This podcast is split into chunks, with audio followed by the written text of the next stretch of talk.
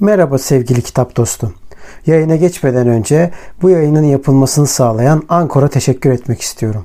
Ücretsiz olan Ankor, podcast'inizi doğrudan telefonunuzdan veya bilgisayarınızdan kaydetmenize ve düzenlemenize olanak tanıyan araçları mevcut. Ankor, podcast'inizi sizin için dağıtır.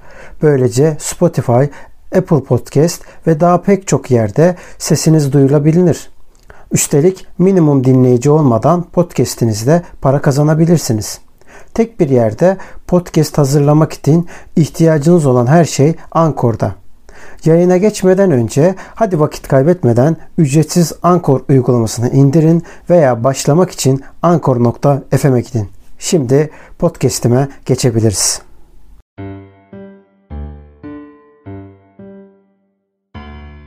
Yaşamak artık ateşli bir mücadeleye dönüşüyor. Yasaklara karşı baş kaldırışın kıvılcımları büyüyor.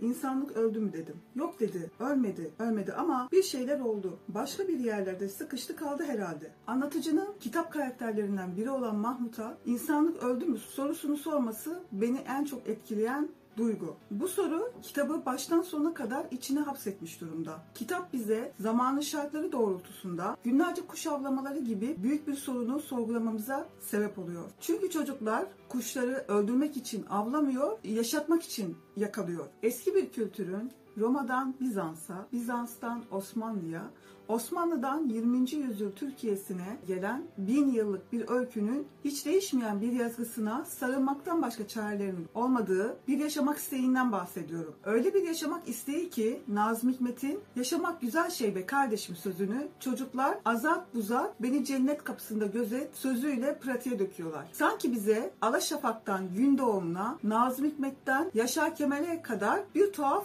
zaman türküsü söylüyorlar. Yok olan bir Osmanlı geleneği olan azat buzatçılık, günahlarının affedileceği inancıyla insanların esir azat ettiklerini, yapamayanların ise kuş satın alarak azat ettiklerini söyler. Bunlara adak kuşları denirdi. Kitapta geçen kuş avcılığı belki hayvan severleri üzebilir. Bu benim de kabul ettiğim, tasvip ettiğim bir durum değil zaten. Ama kitap zaten bize kuşları yakalamak isteyen çocukları görünür kılmaya çalışırken kontrolsüz sanayileşmenin ve kentleşmenin insanlara, doğaya ve hayvanlara verdiği zararları da gönül kırmaya çalışıyor. Kuşların ve çocukların bu birbirine benzer halleri kitapta okuyucuya bir yönüyle varoluşun, var olmak istemenin yazıya dönüşmeden önce hepimize tek tek nasıl uğradığını gösteriyor. Öyle ki varoluşumuz sanki bunun üzerine kurulu. Nasıl ki kuşlar kafeslere sıkış tepiş hapsedilmişse çocuklar da kent yaşamının ilgisizliğine,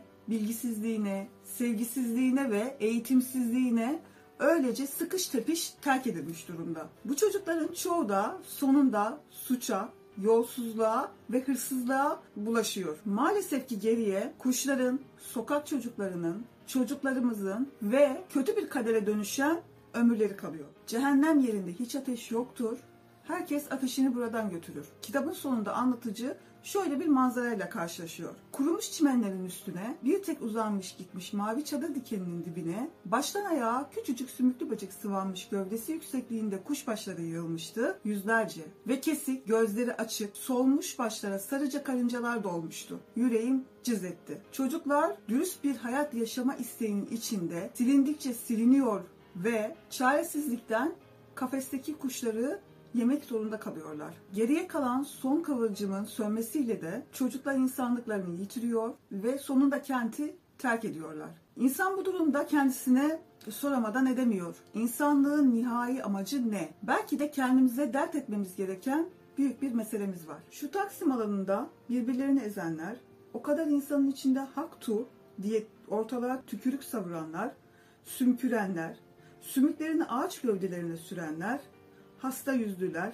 vıcık vıcık boyalılar, suratlarından düşen bin parça olanlar, düşman gözlüler, gülmeyenler, birbirlerine düşmanlar gibi, birbirlerini yiyeceklermiş gibi, birbirlerinin gözünü oyacak, kuyusunu kazacaklarmış gibi bakanlar, korkanlar, ben, ben, ben diyenler bunlar mı?